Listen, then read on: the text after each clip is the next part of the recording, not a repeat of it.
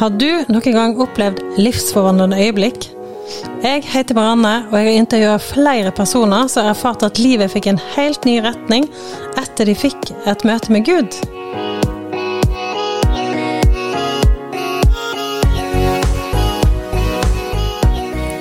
Jeg bor i Oslo og jobber som familieveileder og, og coach. Jeg har alltid likt å høre folk sin historie, særlig hva som skaper de store og de gode endringene. I denne episoden så er det jeg sjøl som skal fortelle min historie, og det er Margreta som skal intervjue meg. Det bredde seg en sånn varme i brystet, i magen, gjennom hele kroppen, og jeg bare skjønte, jeg fikk en sånn tanke Oi, Gud elsker meg. Hallo, hallo. Hallo, hallo. Hei, Margreta. Hallo, Marianne. Du, jeg har sagt at vi skal få høre din historie i dag. ja, veldig kjekt at du kunne intervjue meg. Helt ifra Kona Hawaii. Men for de som ikke Yeah. fulgte livesendingen på Facebook, kanskje du kunne bare repetert litt til du Nå gir jeg stafettpinnen over til deg, altså nå er du intervjueren, men ba- bare, jeg må bare innledningsvis bare spørre kort at du må presentere deg sjøl. Og hvorfor det er du som intervjuer meg? Ja. Da skal prøve å gjøre det kort. Jeg er ganske dårlig på å gjøre historier korte. Det Men jeg heter Margrethe. Margrethe Myklebust. Jeg er 40 år. Jeg har en mann som heter David, som jeg liker veldig godt. Og fire barn, som jeg liker veldig godt òg. Stort sett. Og så er jeg akkurat nå på Kona på Hawaii. Fordi at der deltar hele familien vår på noe som heter familie-DT. Der har vi vært en uke nå og har det veldig fint. Og grunnen til at jeg får lov til å intervjue deg, er rett og slett at du bare er veldig grei. for jeg kjente deg for eh, en god del måneder siden en mail, fordi at, eller en messenger, fordi at jeg hadde hørt alle vendepunkt-episodene. Jeg elsker vendepunkt. Syns at eh, ja, historiene våre er så viktige, og du fanger de så fint i den podkasten der. Eh, og så hadde jeg hørt de, og spesielt denne setningen om at eh, jeg, eh, jeg har alltid likt å høre historiene om de som skapte de gode vendepunktene, de forandringene. Den setter seg alltid fast i meg og bare Å ja, det elsker jeg òg. Og så skrev jeg veldig frimodig en melding der jeg først sa at eh, du må intervjue denne personen her, som dere andre skal få høre en annen gang. Og den tok du meg på ordet på. Og så eh, det neste jeg skrev var at liksom Og eh, hvis du trenger en vikar eller en avlegger i Bergen, eller bare lyst til å dele noen tips og trikser I all beskjedenhet. liksom- beskjedenhet. I all beskjedenhet, ja. Som Så en er dette min drøm. Ja, ja. Og så eh, møttes vi i bryllup litt senere, og så ble satt ved siden av hverandre. Og da ble vi sittende og prate og prate, og så, ja Du er jo veldig kjekk å prate med, så det det. var jo veldig lett. Ja. og så, ikke bare det, men så utover kvelden så, så sier jo du plutselig sånn Vi kan jo bare dele vendepunkt. Vi kan, vi kan bare dele. Du kan jo ta en gang, og jeg tar en annen gang. Eller vi kan gjøre det sammen. Eller liksom, her er dette fantastiske som jeg har fått være med å skape. Og så holder du det bare helt med åpne hender på en sånn måte at jeg nesten ikke tror det ennå. Så det, det føles som sånn ekstremt eh, Jesus-lik lik raushet. At, at du holder det sånn denne, denne er ikke min, denne deler jeg gjerne. Så det er bare så takknemlig for. Det er sånn at jeg fortsatt ikke tror at det er sant. Og jeg føler meg som den seksåringen som får gå inn i lekebutikken og ta akkurat det en vil. Så det var, ja, dette var en drøm for meg. Ja, og jeg elsker jo å gjøre ting sammen med andre, og du er jo en god match på å gjøre dette sammen, så dette er bare så vinn-vinn. Åh, så kjekt. Nei, Det er fantastisk. Ja. Men kanskje du må Nå er liksom stafettpinnen din, så nå skal jeg prøve så godt jeg kan å bli intervjua. Det er ikke sikkert at eh, jeg er så godt trent til det, men jeg skal prøve så godt jeg kan. Eh, og så skal jeg prøve å være deg, da. Det er jo ikke så lett. Nei, For du må være deg. Du må være Ja, deg. ja, ja. Men du trenger jo på, på ingen måte en vikar eller noe som helst. Dette her har jo du bare så godt grep om. Men um, jeg får lov til å være med, og det er jeg veldig takknemlig for. Så får du heller stille deg sjøl noen ekstra spørsmål, da. Hvis det var noe du følger opp. Veldig bra. Men vi, vi må begynne med en fun fact, eller en, bare en fact. Men uh, du er veldig fun, så jeg tipper at uh, det er masse fun facts å ta av. Ja, jeg vet du ikke om jeg bør si den fun facten som jeg har. det høres ut som den. Men jeg har hatt politiet etter meg med blålys syv ganger. Syv ganger, ja? Ja. Ja vel. Vil du dele én av de syv? Ja, det var vel en gang eh, jeg eh, øvelseskjørte med noen som ikke var gammel nok til å øvelseskjøre med meg. Og så valgte man en indre vei der det vanligvis ikke er politi, men så plutselig så var det nettopp politi der. Og jeg hadde ikke lappen ennå, selvfølgelig. Så istedenfor å stoppe, som man gjør, og så hør og bør når politiet vinker deg inn, så trykker jeg på gassen istedenfor på bremsen.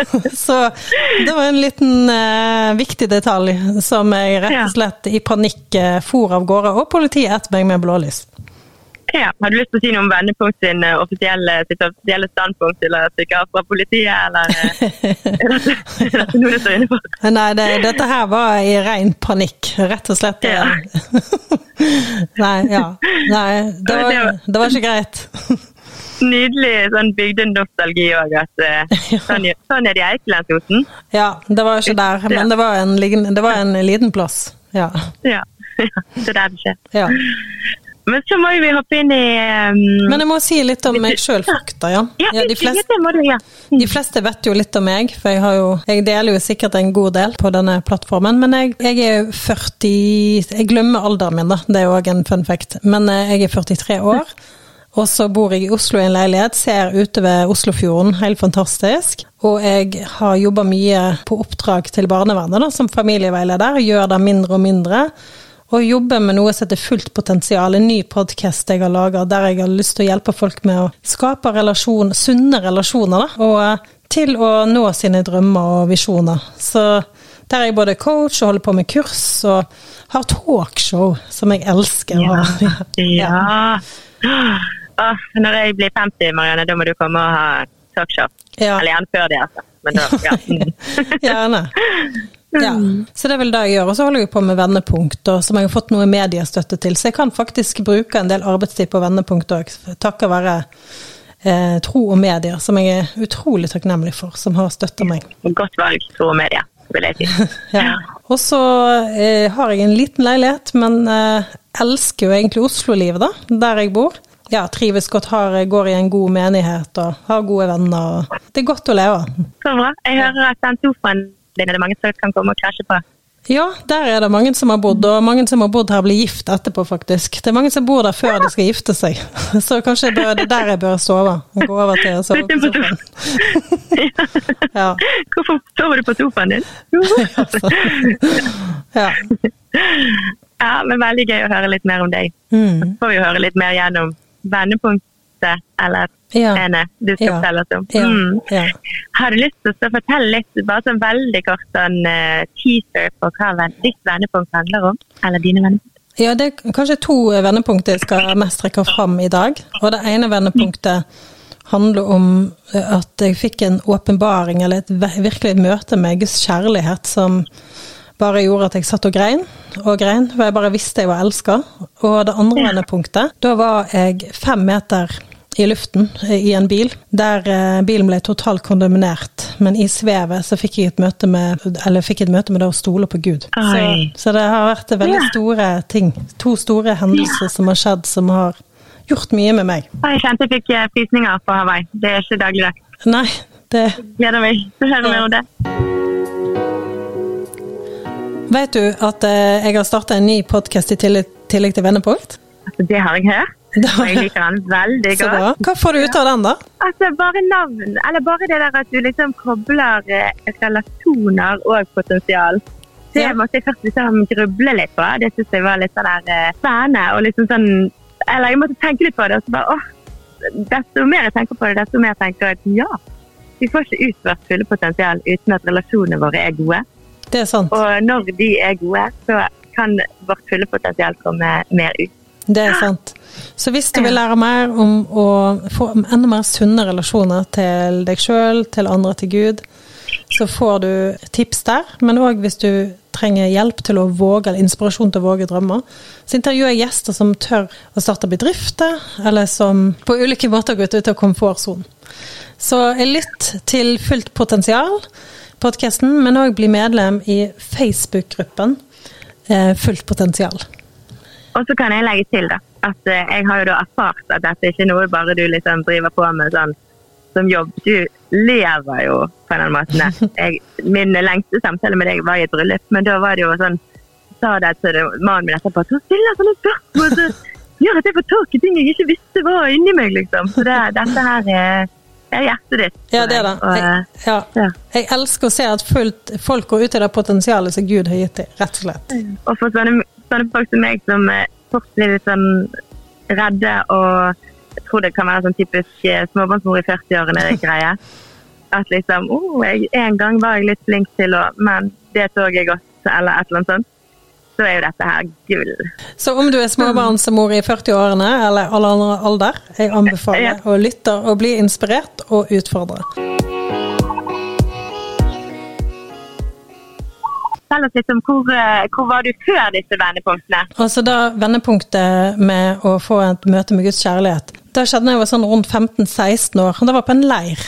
Eh, og før jeg var på denne leiren, så bar vel livet mitt liksom preg av at ja, jeg hadde ett bein på bedehuset og blant de kristne, og ett bein eh, ute blant det som skjedde der, og veldig sånn sterkt ønske om å være med på fest, og, og et veldig sånn ja, jeg hørte liksom ryktet, eller Bibelen fortalte om at Gud var kjærlighet, men jeg merka ikke så mye av det livet. Det var ikke så appellerende. Jeg syns kristendommen var veldig sånn regelbunden og kjedelig. Og Gud opplevde seg veldig, veldig fjern, men likevel så ba jo til Gud og håpte han var der, men livet mitt ble ikke så veldig sånn prega av den troen. Og jeg husker jeg var veldig opptatt av anerkjennelse fra, fra mennesker. Altså, ikke, jeg gikk ikke rundt og tenkte sånn på ungdomsskolen og barneskolen sjøl, men, men jeg følte sånn I ettertid så så jeg at eh, jeg var veldig opptatt av å være inn i gjengen og være anerkjent og likt. og Dagen var god eller dårlig ettersom hvordan jeg ble akseptert og sett, sett av populære mennesker. Mm. Så det var mye av det som preger meg, en slags sånn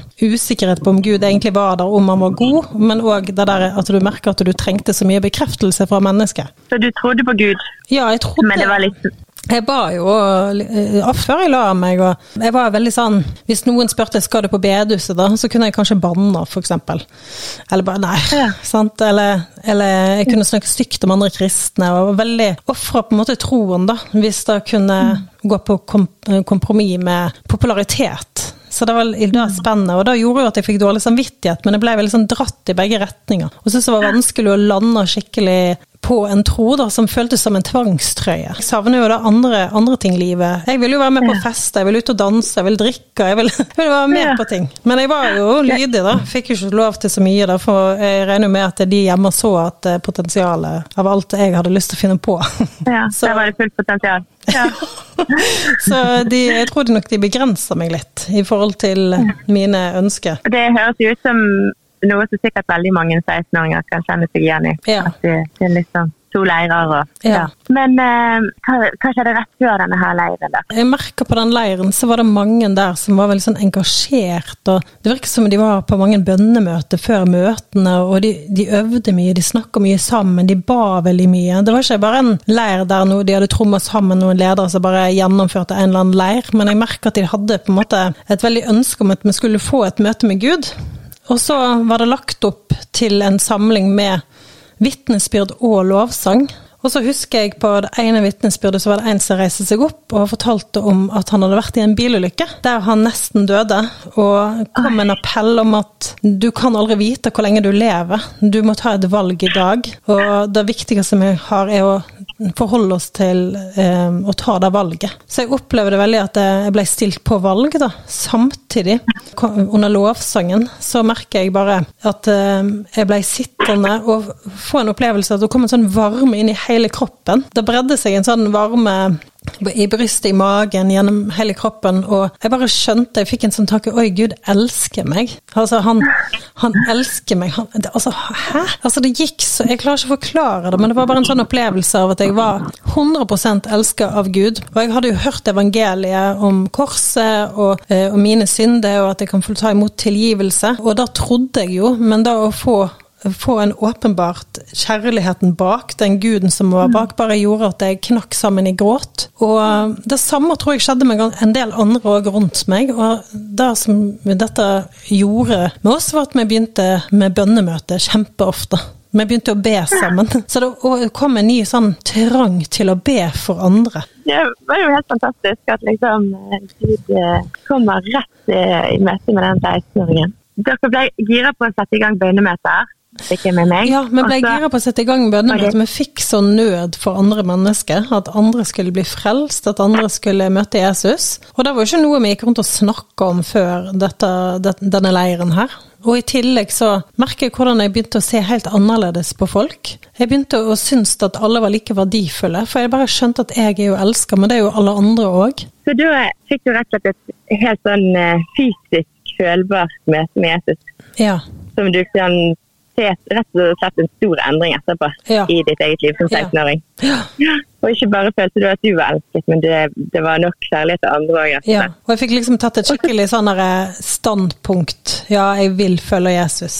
Jeg vil ta imot ja. nåden. Jeg vil Da hadde jeg jo Jeg hadde jo tatt imot Jesus før òg, men det var akkurat så jeg tok det litt på nytt. Og, og hvordan gikk det med de tingene som var vanskelig før det, da, med å type, si at du skulle på bedehuset, eller eh, liksom det å velge mellom to leirer, var det annerledes etter det? Veldig annerledes. Da ble, jeg ble stolt over det jeg trodde på. Og jeg, jeg skjulte det ikke. og jeg fikk lyst til å være på bedehuset, jeg fikk lyst til å be, jeg fikk lyst til å lage ungdomskvelder. Og så dro jeg jo på internatskole ikke så lenge etterpå, da. Så jeg, jeg var jo ikke så lenge i Eikelandsosen eh, etter nei. dette her. Men uh, det var i hvert fall på slutten av ungdomsskolen, så jeg brant veldig, og mine venner med brant så veldig for å gjøre Jesus kjent, rett og slett. Fantastisk. Ja. Leir er ikke noe lite, altså. Nei. Så fint at du fikk den opplevelsen. Ja, det var Og så, fantastisk. ja. så ruslet livet videre. Jeg vet ikke, er det noen sånne Vil gi oss litt sånn hvor du Ja. reiste videre, internatskole, og så Ja, ja, jeg gjorde jo helt enormt mye etter dette her. Reiste mange forskjellige plasser. Dro i hvert fall på Tryggheim videregående skole, på internatskole, og så dro jeg et år på Grimstad bibelskole. Og så var jeg tre år i Bergen og studerte, og så var jeg ni-ti år i Stavanger og studerte og jobba. Det gikk jo mange år, da, og ting fortsatte. Selv om jeg hadde fått den erfaringen, så, så ble det vel litt sånn tilbake igjen, at man gikk litt opp og ned. Det er ikke sikkert jeg fikk kanskje den næringen eller undervisningen jeg vet ikke, som jeg trengte for at det skulle bli stabilt, da. men jeg husker i hvert fall når jeg var sånn Det neste vendepunktet skjedde jo når jeg var rundt eh, 30 år, så jeg vet ikke om jeg skal si litt om tiden før den. Jo, veldig gjerne. Ja, Nå, nå ser du at jeg begynte å stille meg sjøl sånn. ja, Det er veldig vanskelig for meg, dette. ja, ja, vi trenger jeg litt hjelp til å få gangen i deg, vet du. Så det er bra. Men ja. det hadde i hvert fall gått fortsatt, og, og selv om jeg hadde fått den erfaringen, så begynte særlig det med behov for bekreftelse, eller ulike andre prosesser og ting, gjør at det gikk litt sånn opp og ned, da.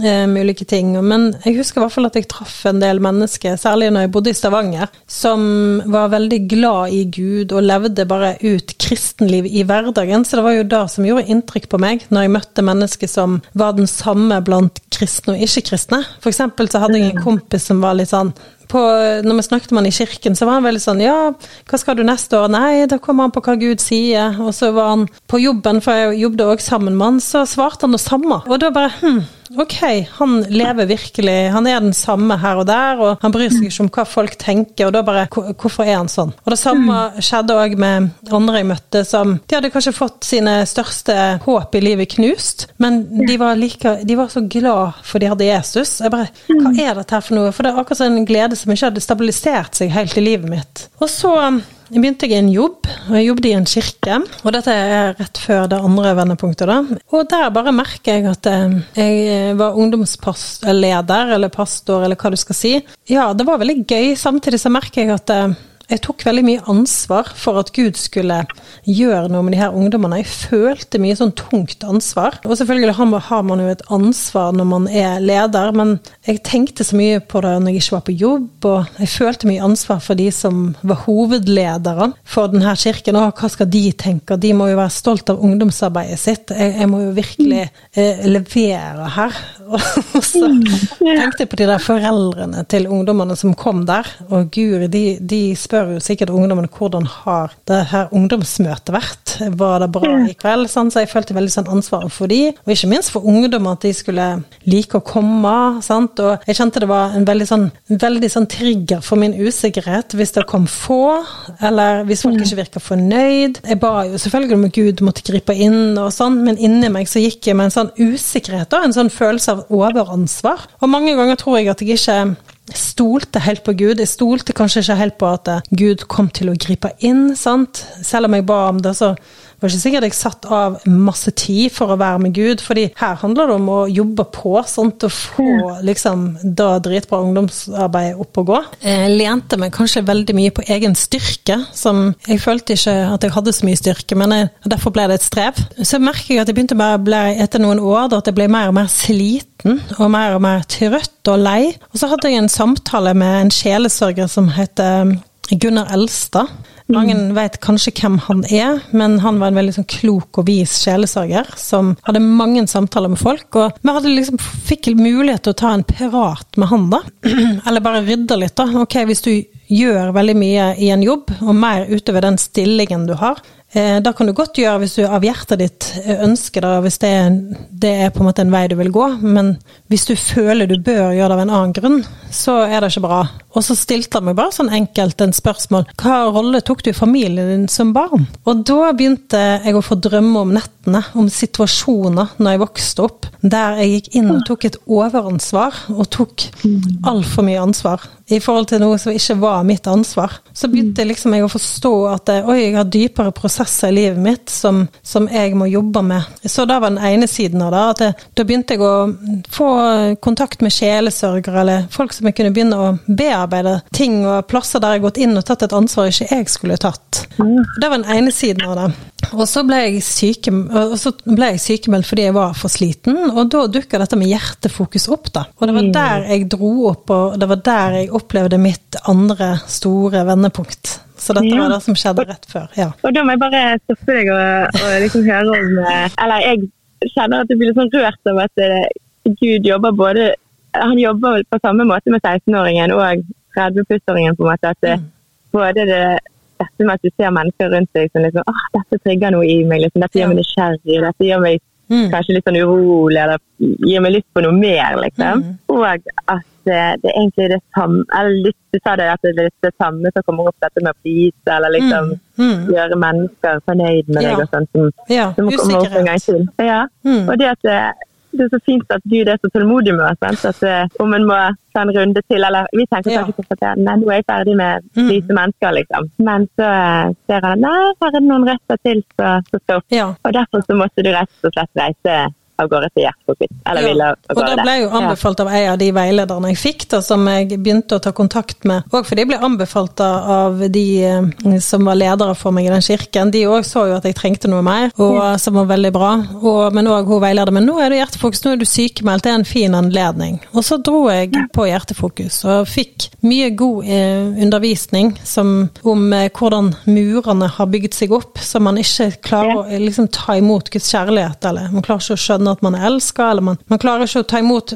f.eks. kjærlighet fra Gud, for man klarer ikke å stole på Gud. Så det som betydde mest for meg på Hjertefokus, var egentlig det som skjedde i stilletiden. Fordi du får jo undervisning, og du får gruppesamtaler, men så er det òg mye tid til å være stille. Og i den stillheten så opplevde jeg å få ganske tydelig stemme som sa 'Marianne, du stoler ikke på meg'. Jeg bare 'hæ'?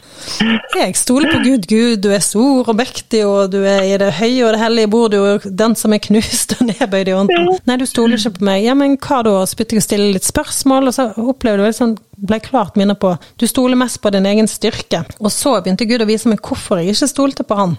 At det var på en måte ting som hadde skjedd i livet mitt, og relasjoner som var viktige for meg, som hadde vært vanskeligheter i, som jeg hadde overført på Gud. Der jeg fikk tatt et oppgjør og tilgitt, og som betydde veldig mye. Mm. Og så, men så var det en annen del var det òg at Gud viste meg at jeg har satt andre mennesker sin mening om meg over Guds. Det var en avgud. Mm. Så jeg fikk veldig sånn åpenbaring at én ting er at du hadde sår, og da må du tilgi. Sant? Den andre siden var at jeg hadde valgt å sette andre mennesker over Gud. Andre mm. mennesker sin mening om meg fikk større betydning. Så da tok jeg sånn, ja. ja, unnskyld, nå hopper jeg bare inn for å si at uh, hjertefokus er jo en sånn ting som ikke alle kjenner til, kanskje, men det er rett og slett et sånt konsept som man kan reise på for å liksom ta litt sånn Jeg pleier å si at det er sånn eh, ja, vet ikke, eh, ja, jeg pleier å tulle og si at det er sånn uh, psykiatrisk leir for kristne. Men uh, det er et sted man reiser for å liksom jobbe litt med ting som har skjedd uh, tidligere i livet, som har gjort at man har bygd inn noen litt sånn dårlige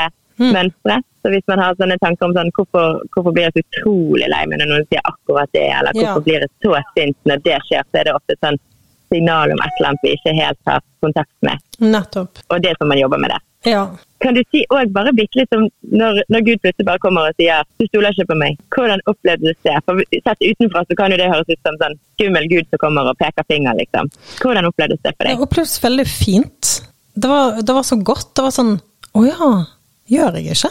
Jeg hadde ikke skjønt at jeg ikke stolte på Gud. Men sant, jeg hadde ikke forstått av hjertet mitt. Men da forsto jeg det ga så mye mening, og ting falt sånn på plass. For jeg skjønte at, Og da ble jeg jo veldig nysgjerrig. Hva var det som gjør at jeg ikke stoler på Gud faktisk? For jeg stolte på Gud i hodet, men ikke i hjertet. Jeg handler ikke på det. Gud har sagt jo jeg er alltid med. Eksempel i det ungdomsarbeidet sto jeg alltid med, jeg vil gå foran deg, eh, gå i min kraft. Men jeg gikk i egen kraft. Jeg tok ikke den bønnen. Jeg lytta ikke til hva jeg skulle gjøre.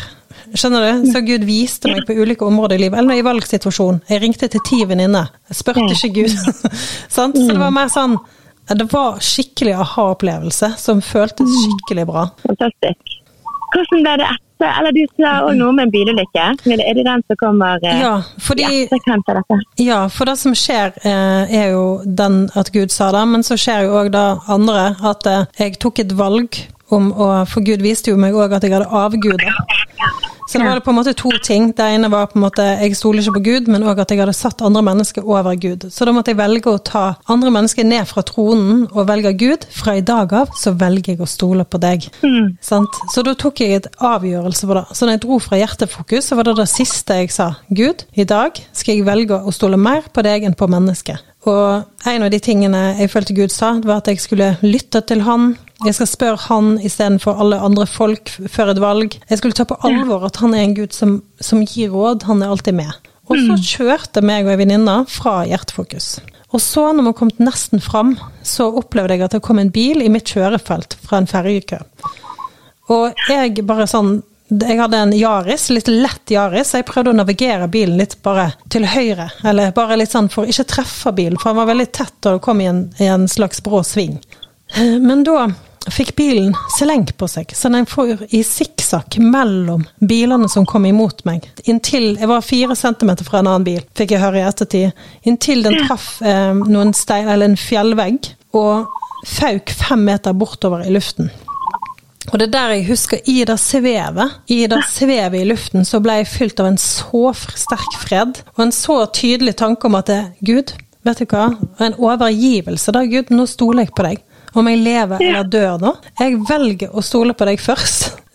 Så ruller bilen rundt mange ganger og lander på siden. Og vinduet bak ble jo totalt knust, for da havna på steiner, men mitt vindu havna i mose. Og jeg eh, og venninnen min kom ganske uskadd fra, eh, fra situasjonen der og da.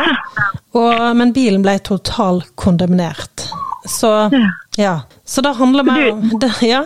Du, du ble testet på en måte nesten da, for den, eh, den bønnen du bar rett før du reiste med en gang etterpå. Altså du på en måte fikk eh, prøvd med en gang om dette holdt, rett og slett. Ja, jeg vet ikke hvorfor det skjedde. Jeg tror ikke Gud ville at jeg skulle havne i en Nei. sånn bilulykke, men det, det ble rett og slett en, en at Gud kom og møtte meg midt i bilulykken, rett og slett. Ja. Og jeg bare kjente at jeg måtte overgi livet til Gud i den situasjonen. Det var, det var ikke noe jeg følte jeg måtte, det var bare sånn Gud, nå gir jeg livet til deg, om jeg lever eller dør. Jeg stoler på deg. Så det ble faktisk en veldig sånn veldig livsforvandlende vendepunkt som bare gjorde at etter da, så dro jeg hjem. Og jeg bare var bare med Gud. Altså, Jeg ble ikke med på noe, jeg hadde bare lyst til å være med Gud. Jeg ville være i Guds nærvær. Jeg merka hans nærvær på en helt ny måte. Husker hvis folk kom på besøk, så var det bare slitsomt. Jeg var bare sånn Nei, jeg ville bare være med Gud. Og da, jeg må korrigere meg selv, jeg mente ikke som en test, men mer som en sånn bekreftelse Ja. på at liksom, Absolutt. du kan stole på meg òg, til og med i, i Ja. død. Liksom. Ja, ja, Mm. absolutt. Så utrolig fint. Så da, da var det du og Gud, Ja. Rett og slett. Ja. Mm. Og hvordan har det vært videre da? Da liksom dette med Skal vi kalle det menneskefrykt, eller det å liksom flise please folk, det har vært en litt sånn rød tråd, og så Ja. fant du litt mer ut hvorfor kanskje det var Ja. sånn. ja. Og hvordan har det liksom vært videre? Jeg har inntrykk av at vi begge to liker prosesser og sånn. At liksom, det er ikke alt som fikser seg liksom sånn, selv om, det, Nei. selv om vi liker vendepunktene òg. Men hvordan har liksom prosessen vært etterpå i forhold til det? Nei, det ble, det ble nok prosessen ble nok veldig at det, det er en overgivelse. da, At du, du, velger å gi Gud rett i hvem han er. Og at eh, det fikk store konsekvenser for livet etterpå. Da ble det veldig viktig for meg hvor kaller du meg Gud. Jeg sa opp jobbene mine i Stavanger, jeg følte meg kalt til Hemsedal. Det ble veldig viktig for meg. Sant? Jeg fikk oppleve veldig mye tydelig ledelse fra Gud for hvor jeg skulle, hva jeg skulle drive med. Og det skapte en enorm tro og ønske i meg til å følge Gud etter det. Så tiden etter det har bare vært veldig sånn det har vært veldig preg av at jeg ønsker å høre Guds ledelse, da. Og har veldig sånn tillit til at Gud har en plan, og han har en vei. Men så er det jo selvfølgelig Jeg tror jo selvfølgelig det der med menneskefrykt og Jeg merker at det der med at verdien min henger i Gud og ikke i mennesket, har blitt veldig sånn styrka at jeg Nei, vet du hva, du kan jo selvfølgelig bli trigga og oppleve å bli sår eller oppleve å bli avvist og alle de her tingene, og det gir smertelig vondt og sånn, men så har jeg bare en trygg plass å gå. Men Gud, det er du som sier hva jeg er verdt. Og at jeg ikke har den samme trangen til å please andre, men har veldig trang til å velge det som Gud at Gud, den gudsfrykten mer sånn Jeg kan ikke velge, jeg kan ikke la meg lede av mennesket eller av egne tanker. Men jeg tror jo selvfølgelig det har mye, mange lag. Jeg har jo vært i situasjoner som har gjort meg veldig redd, når jeg mener og står for ting som mennesker rundt meg som ikke har en tro, ikke står for. Sant? Så jeg har vært i mange runder der jeg har fått kjent masse på menneskefrykt. Og jeg tror ikke jeg på noen må, måte er i mål der, men jeg prøver hele tiden å bare Jeg har fått en sånn ny respekt for at Gud har de svarene jeg trenger, og han har den kjærligheten jeg trenger, han har den næringen jeg trenger. Så jeg har blitt veldig avhengig av å trekke meg bort på retreat og stillhet med Gud. Det er liksom der jeg merker jeg har fått hjemmet mitt og kilden min i den jeg er, og da jeg skal, da. Så nydelig. Ja. Og for en reise fra ja. liksom 16-åring så ja lurte på om hun hadde lyst til å reise på leirstykker. Ja. Til, eh, til, å liksom synes at uh, de folkene som kanskje hadde vært den viktigste stemmen, var litt sånn i veien for ja. å bruke tid med den samme guden. Ja, riktig. Det er jo helt nydelig. Heldigvis. Og for en, eh, for en trofasthet, og for en fin sånn påminnelse om at liksom, når Gud kommer og sier, sier ting som kan virke liksom litt sånn hardt på et vis, ja. så er det for å sette oss fri. Sant? det er en helt annen frihet for deg vil jeg tro å lytte til han enn å lytte til mennesker. Virkelig. Du, dette med menneskefrykt det er jo noe som jeg tror ikke du er den eneste som har strevd med. Og det å ville liksom sette menneskers stemme over Guds stemme ja. i livet. Er det sånn at du hadde villet be en bønn for, for uh, de og meg som kan mm. streve med det. Ja. Og nå strever jeg jo litt med det sjøl òg. Jeg opplever ikke at jeg syns det er kjempelett, men jeg har i hvert fall fått uh, noe hjelp av Gud, og fått, så jeg kan be ut fra den troen jeg har. Ja, Og du er jo et annet sted enn du var. Ja, absolutt. Og hvis det er greit, så har jeg veldig lyst til å be for folk òg, i forhold til da, hvis, å erfare den verdien du har i Gud. For det ligger ja. meg veldig på hjertet at eh, folk skal få lov å få åpenbaring da, om at de kan stole på Gud, og at uh, Gud de elsker. Og det var jo der det begynte ja. den gangen. Ja. ja. Så kjære Gud det, ja. Kjære Gud, jeg bare takker deg for uh, ja, Margrethe, at hun kom seilende inn i vendepunkt, og da jeg bare velsigner henne tilbake. Så ber jeg Gud om at du skal åpenbare både meg og alle lytterne på en dypere måte at vi er verdt å elske, og at uh, du har dødd på korset, stått opp igjen for, akkurat for oss, og at du skal åpenbare evangeliet på nytt. Så ber jeg om en ny tillit til deg, Gud, at du skal hjelpe oss til å stole mer på deg enn på mennesker menneske, stoler mer på deg enn penger, stoler mer på deg enn lykke eller ting som kan skje bra eller dårlig i livet. Ber om en ny overgivelse. Så ber jeg for dette med menneskefrykt som kommer, som Margrethe òg sa kan være vanskelig, og som jeg òg fremdeles kan kjenne det på noen områder. Jeg bare ber om en frihet, Jesus, til å gå din vei og ikke menneskets vei i Jesu navn. At ingenting skal få binde og holde oss tilbake fra det du har kalt oss til å si eller gjøre i Jesu navn. Ber om at frykten skal ut i Jesu navn. Amen. Amen. Tusen takk, Marianne, ja. for at du ville dele din historie med oss. Tusen takk. Veldig både spennende og nydelig. Takk. Det var veldig fint å fortelle. Var du veldig flink å hjelpe til å intervjue deg selv der det trengtes. dette, dette kan du. Ja. Mm. Nei, men så fint. Er det nå eh, jeg skal ha denne avslutningssangen, kanskje? Ja, kanskje det er nå. Ja. Nå hørte du at jeg delte min egen historie. Jeg gikk fra et liv der jeg søkte anerkjennelse fra mennesker, til å få et møte med en gud som jeg kunne ha tillit til.